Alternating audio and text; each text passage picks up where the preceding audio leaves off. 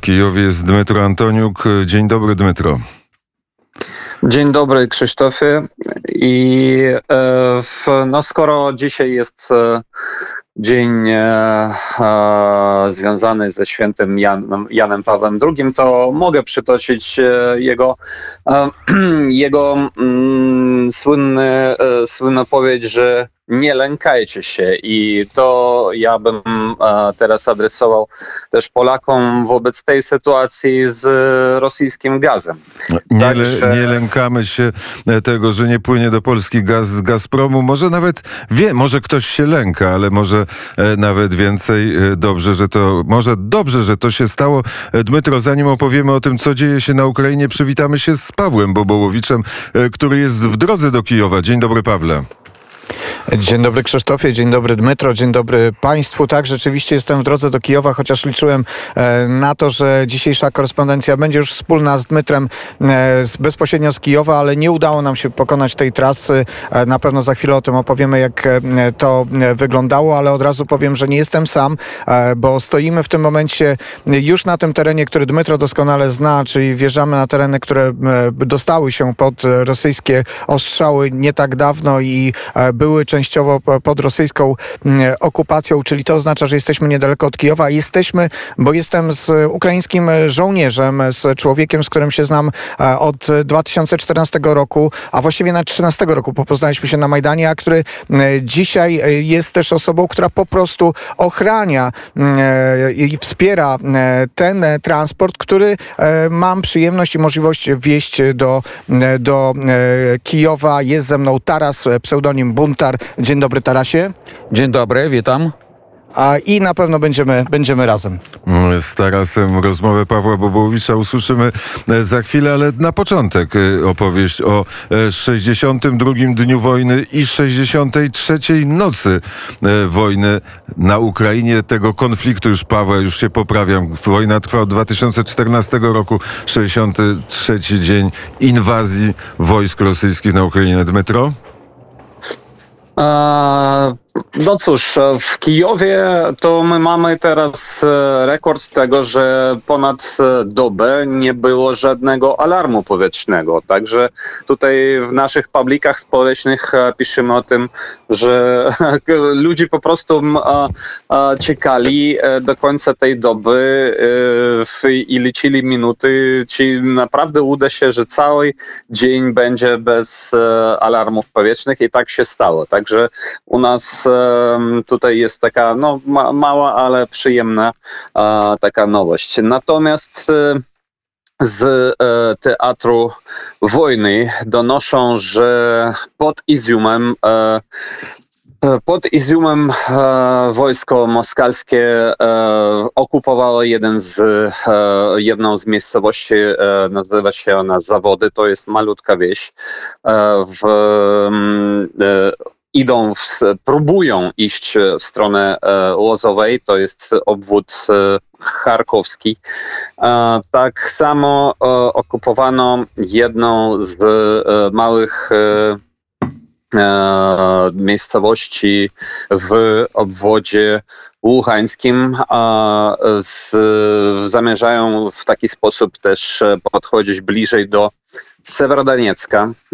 Natomiast i to z takich go, e, nie, nie, nieprzyjemnych wiadomości oczywiście, ale pamiętamy, że e, taktyka wojska ukraińskiego jest taka, że my, e, my liczymy się z życiami, jak w pierwszej kolejności my liczymy się z życiem naszych żołnierzy i kiedy jest możliwość ocalić życie, to my tak i robimy, a dalej po prostu wyzwalamy to, te miejscowości z powrotem, uderza, e, uderzając z innej strony.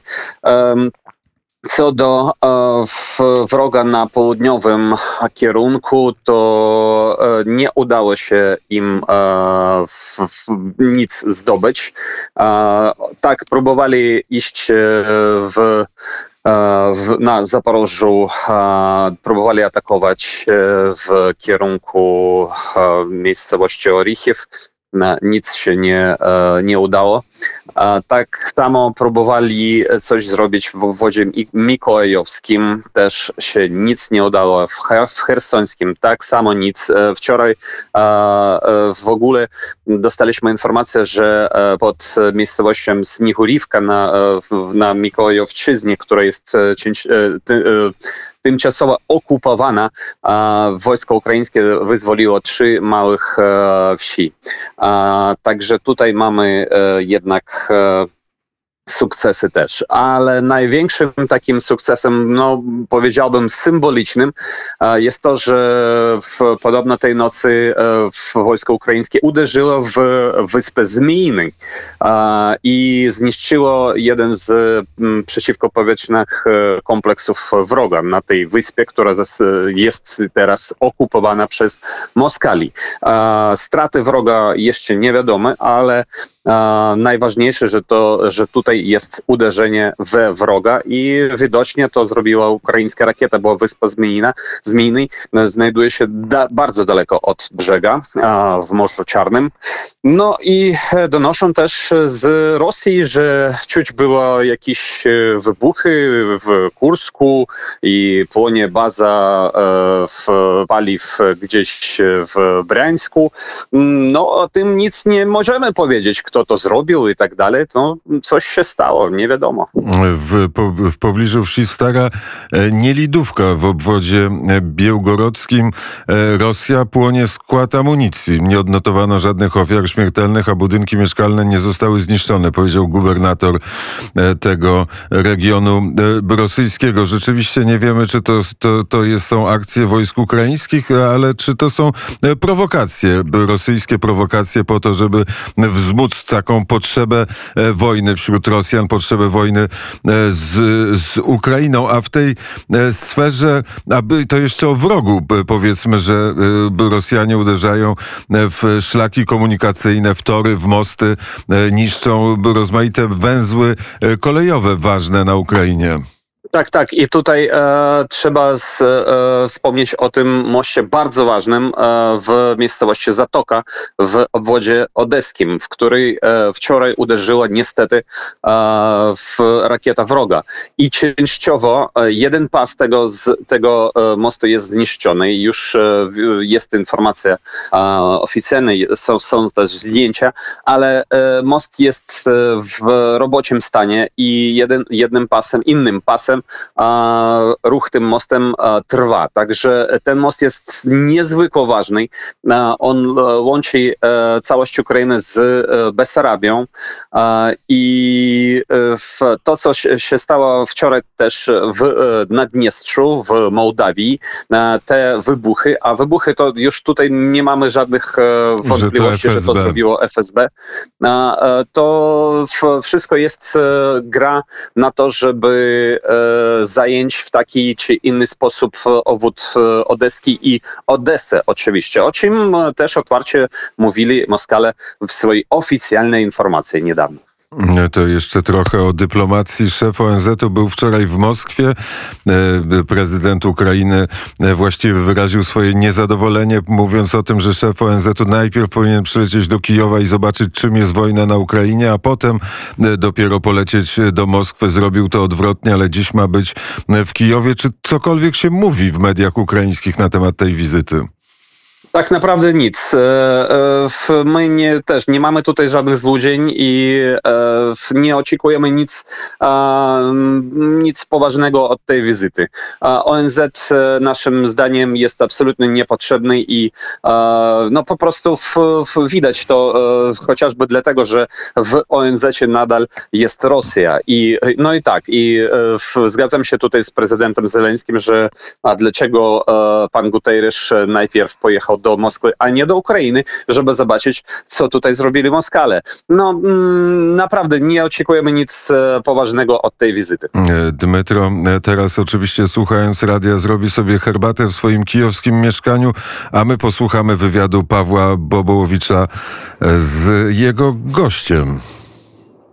Może najpierw jeszcze uzupełnię, bo to jest najnowsza wiadomość, której Dmytro mógł jeszcze nie widzieć, że Rosjanie kolejny raz zaatakowali i uderzyli rakietowo po, e, w most na, na tym limanie Dnistro, e, Dnistrowskim, e, Dniestrowskim, czyli w pobliżu Zatoki, ten most, który łączy południową część obwodu odeskiego Besarabię z właśnie tą częścią przy Odeście i rzeczywiście to może wskazywać na to, że będą próbowali przynajmniej przesunąć ciężar zainteresowania do tego obszaru, tak jak wczoraj słyszeliśmy w, nocy w wielu komentarzach, jadąc z moim współtowarzyszem po, po podróży, zwraca się uwagę na to, że po prostu Rosja chce odciągnąć uwagę z jednej strony od tego, co dzieje się w Mariupolu, a z drugiej strony spowodować też większe zaangażowanie wojsk ukraińskich na tym odcinku. Ale zanim jeszcze zadam pytanie Tarasowi, który siedzi obok mnie, to chciałbym powiedzieć, jak w ogóle tutaj się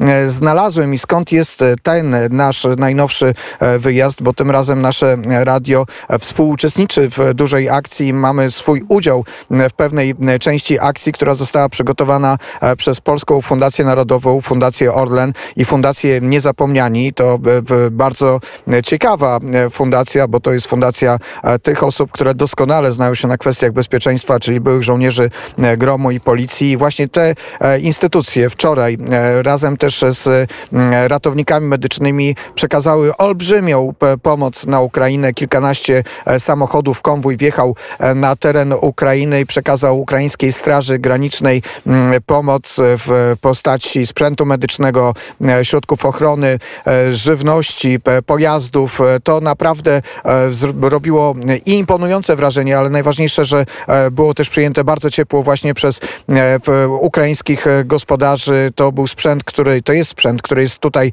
bardzo potrzebny, ale część tego sprzętu, e, sprzętu ochrony. E, mamy przyjemność i uczestniczymy w tym jako e, radio, bo wieziemy dalej. Ten sprzęt ochrony będzie przekazany od tych fundacji, ale za naszym pośrednictwem ukraińskim dziennikarzom i na pewno będzie stanowić dla nich ważny element i umożliwi im bezpieczniejszą pracę w tych najbardziej niebezpiecznych miejscach. O tym jeszcze będę opowiadać, będę, przekażę na pewno fragmenty rozmów, które wczoraj e, nagrywałem na, na granicy. No jestem w, w drodze i stąd e, nie mogę tego zrobić e, teraz od razu wszystkiego, ale na pewno ten temat pojawi się jeszcze w programie wschodnim, ale ponieważ dotknąłeś Krzysztofie w zapowiedzi pewnej kwestii i mówiłeś o tym zwróceniu uwagi, czy to jest wojna, która 62 dzień wojny, która wybuchła teraz, czy tej wojny, która trwa od 8 lat, to ja po prostu o to się zapytam Tarasa. Taras, pseudonim Buntar, który siedzi obok mnie i który od 2014 roku e, broni Ukrainy. Teraz to wojna zaczęła się 24 lutego, czy wojna zaczęła się wcześniej? E, wojna Rosji przeciw Ukrainy trwa już e, jeszcze 14 roku. Ale jak pomyśleć i troszkę się wrócić do tyłu, to ona już chyba trwa jeszcze, kiedy na nasze tereny zachodnie ruskie żołnierze przyszli jeszcze w 1939 roku. I wtedy się już zaczęli te wszystkie morderstwa, że my teraz widzimy przeciw Ukraińców i wysyłki do Sybiru, to teraz my po prostu widzimy kiedy ta wojna już jest takiej prawdziwej wojny. Nikt nie wierzył o to, że Rosja rano czy późno zachce e, E, jak powiedzieć to po polsku, odnowić Związek Radziecki. I my teraz to wszystko widzimy. I my nieraz e, czuli nawet samego prezydenta Putina, jaki mówił, że on chce odnowić Związek Radziecki. I do tego Związku Radzieckiego wchodzą nie tylko, nie tylko Ukraina, a i Bałtyka, Polska i inne e, kraje, jakie były e, rozdzielone warszawskim dogoworem. E, teraz dla ciebie ta wojna ma też wymiar osobisty. Nie byłeś całe życie żołnierzem, stałeś się nim od 2014 roku, ale tak jak rozmawiamy te ostatnie kilkanaście godzin, e, cała twoja rodzina jest zaangażowana w obronę mm, Ukrainy, bo e, nie tylko ty, ale twój brat, twoja córka tak, dzisiaj i moja córka, i mój brat, i dwa moje księcia dzisiaj jest przynależny do tej wojny. Ja powiem tak, że dzisiaj każdy Ukrainiec e, prawie e, walczy. Ktoś walczy na, z bronią, ktoś walczy, pomaga. e, w tylu, przydaje pomaga wolont- wolonterstwem i tak samo chcę podziękować Pawlu, bo znam Paweł też dużo bardzo robi. E, Paweł dużo przywozi sprzętu dla wojskowych, e, pomocy dla zwykłych ludzi, jakie byli w izolacji w miastach Irpiń, e, Bucia i przy nagodzie chciałbym podziękować polskiemu rządu i zwykłym Polakom, jaki bardzo się przyklali do tej wojny i jest solidarny dzisiaj i dzisiaj jest z Ukrainą jak nikt inny w europejskim państwie. Za co bardzo dziękuję. E, To też podziękowania dla naszych słuchaczy, którzy przecież e, tę pomoc e, przekazują, a my mamy przyjemność być takim pośrednikiem od państwa dla ukraińskich żołnierzy, dla, ukraińskich, dla ukraińskiego społeczeństwa, dla mieszkańców tych terenów, bo rzeczywiście tej pomocy udało nam się sporo przewieźć. Nie wiem, Krzysztof, ile mamy czasu, ale chcę zadać to pytanie, bo rzeczywiście znam Tarasa i na pewno nie raz jeszcze o nim opowiem. Od dawna znam jego poglądy i wiem, że teraz reprezentował taką twardą zawsze postawę, m, można powiedzieć, że taką narodową, mocną postawę ukraińską, ale e, wiele się w ostatnim czasie zmieniło. Teraz jak ty widzisz przyszłość e, e, po wygranej wojnie Polaków i Ukraińców? E, Ja tak, między naszymi państwami, e, jak się wrócimy do tyłu, w historii były różne momenty, ale my widzimy, że dzisiaj, kiedy przyszła wojna do Ukrainy, my widzimy, jak jest ta solidarność, jak jest te pojednanie między dwoma państwami, ale chciałbym się, żeby te pojednanie było nie, tylko w czasie wojny, w czasie biedy, ale kiedy e, wojna się skończy i e, my mamy widzieć, e, żeby w niedalekim e, majbutnym, że to ma e, w przyszłości tak, ma być taka wyrobiona, prawdziwa europejska koalicja, bo szkoda, że za te cenności, kiedy pod, jeszcze się podnieśli na Majdanie w 2014 roku, same za te cenności europejskich, my tych cenności europejskich mm, nie widzieli. Naprzeciw tych 8 lat nie w Francji, my nie widzieliśmy tych cenności nie w Niemczech,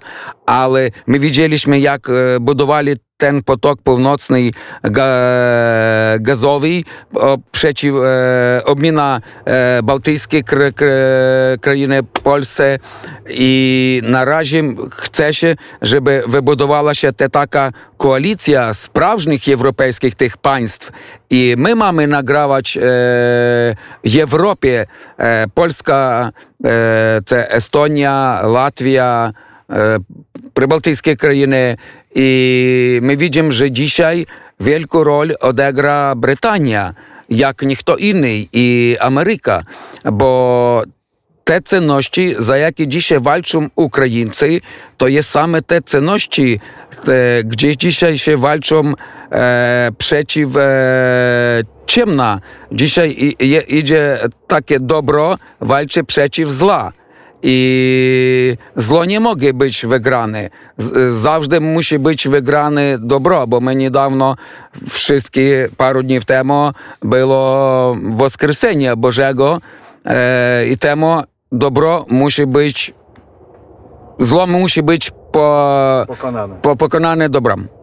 Przepraszam, bo nie, nie bardzo dawno nie gadał po polsku i temu trochę tak I, I my to nadrabiamy. Przez ostatnie kilkanaście godzin rozmawiamy po polsku. Taras e, Buntar, ukraiński e, żołnierz. E, Taras jest młodszy ode mnie, a spędził na froncie ostatnie lata, ale jest niesamowite, że jego córka, która ma zaledwie niewiele ponad 20 lat, też jest ukraińskim żołnierzem. Wczoraj oglądaliśmy zdjęcia, oglądaliśmy też zdjęcia brata Tarasa, który niestety został ranny w ostatnich dniach i życzymy mu zdrowia, życzymy wszystkiego najlepszego. I chciałem Państwu powiedzieć, że w tym czasie, gdy prowadziliśmy tą rozmowę, e, podjechał patrol ukraińskiej policji, bo jesteśmy przy jednej z głównych e, tras i zatrzymanie samochodu powoduje od razu tutaj zainteresowanie, e, gdy policjantom w, e, po cichu pokazałem legitymację, e, pokazałem mikrofon, e, pomachali nam i odjechali, rozumiejąc, że nie dzieje się tutaj nic e, niebezpiecznego, ale nic niebezpiecznego nie może też się dziać, dlatego że ten e, wyjątkowy, e, wyjątkowy sprzęt, który wieziemy, jest zabezpieczony